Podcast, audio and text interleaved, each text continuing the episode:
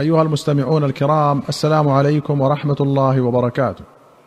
أخرج البخاري ومسلم رحمهما الله عن أبي هريرة رضي الله عنه أن رسول الله صلى الله عليه وسلم قال ما من داء إلا في الحبة السوداء منه شفاء إلا السام وفي رواية إن في الحبة السوداء شفاء من كل داء إلا السام.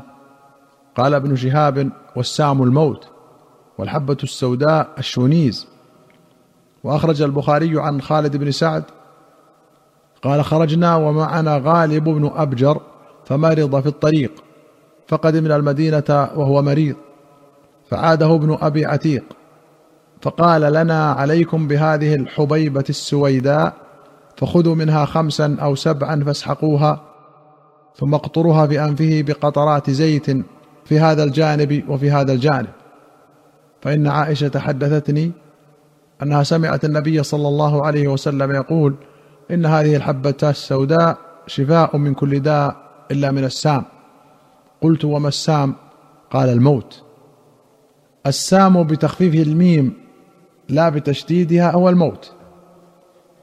وبتشديدها كل ما فيه سم.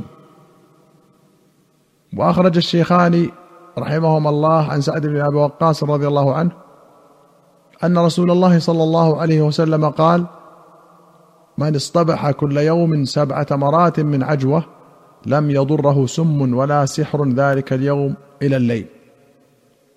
وفي رواية من تصبح بسبع تمرات عجوة لم يضره ذلك اليوم سم ولا سحر. ولمسلم قال من أكل سبع تمرات من بين لابتيها حين يصبح لم يضره سم حتى يمسي. قال النووي العجوة نوع جيد من التمر.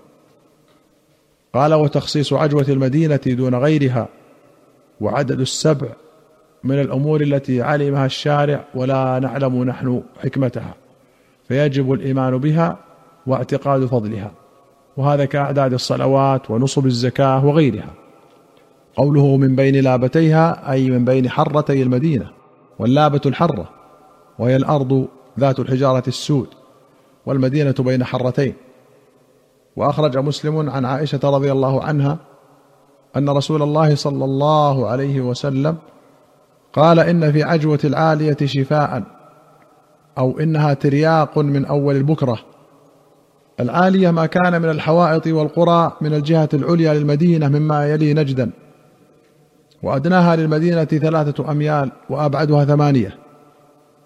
والترياق دواء لدفع السموم وقوله شفاء أو إنها ترياق شك من الراوي. والشفاء أشمل من الترياق والبكرة أول النهار. وهو بمعنى الرواية السابقة قوله من تصبح. وأخرج الشيخان عن سعيد بن زيد رضي الله عنه قال سمعت رسول الله صلى الله عليه وسلم يقول الكمأة من المن.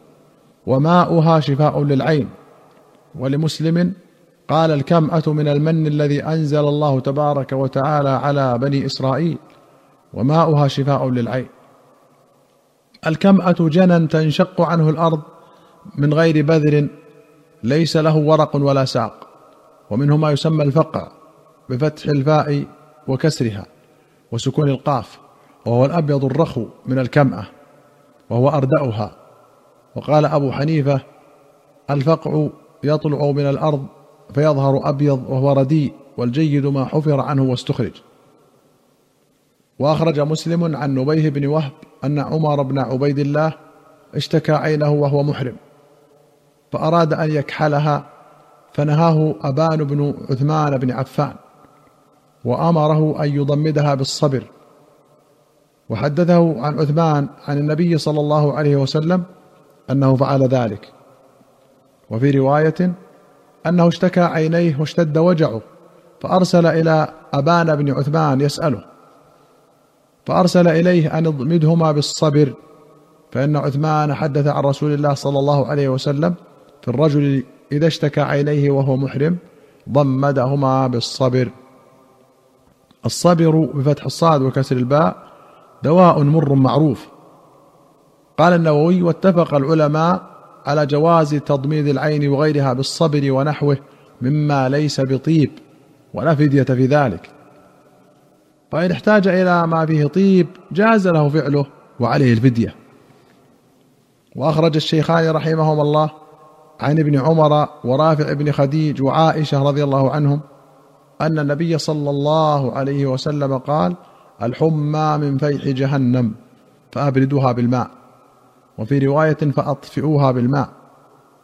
وللبخاري كان ابن عمر إذا أصابته حمى يقول ربنا اكشف عنا الرجز إنا مؤمنون.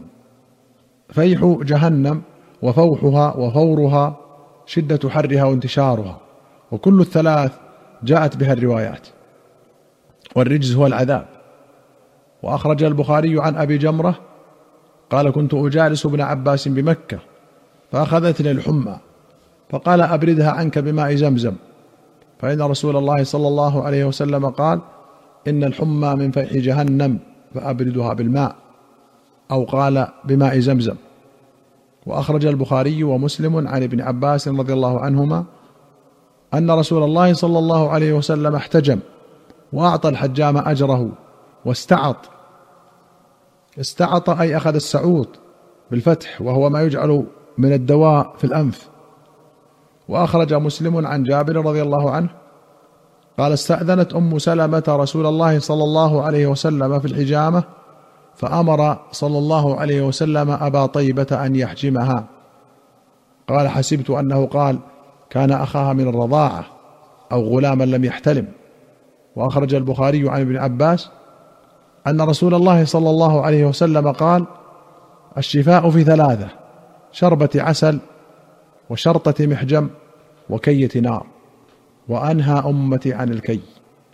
وفي رواية أن النبي صلى الله عليه وسلم قال في العسل والحجم الشفاء قوله شرطة محجم الشرطة بزغ الحجام بالمشرط. وأخرج الشيخان رحمهما الله عن جابر بن عبد الله رضي الله عنهما قال سمعت رسول الله صلى الله عليه وسلم يقول إن كان في شيء من أدويتكم خير أو شفاء ففي شرطة بحجم أو شربة عسل أو لذعة بنار توافق الداء وما أحب أن أكتوي. وفي رواية عن عاصم بن عمر بن قتادة أن جابر بن عبد الله عاد المقنع بن سنان فقال لا أبرح حتى تحتجم. فإني سمعت رسول الله صلى الله عليه وسلم يقول إن فيه شفاء.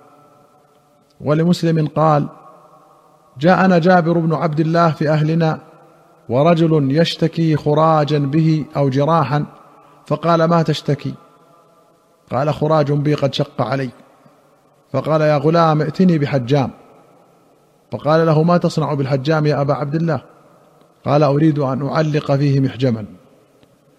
فقال والله إن الذباب ليصيبني أو يصيبني الثوب فيؤذيني ويشق علي.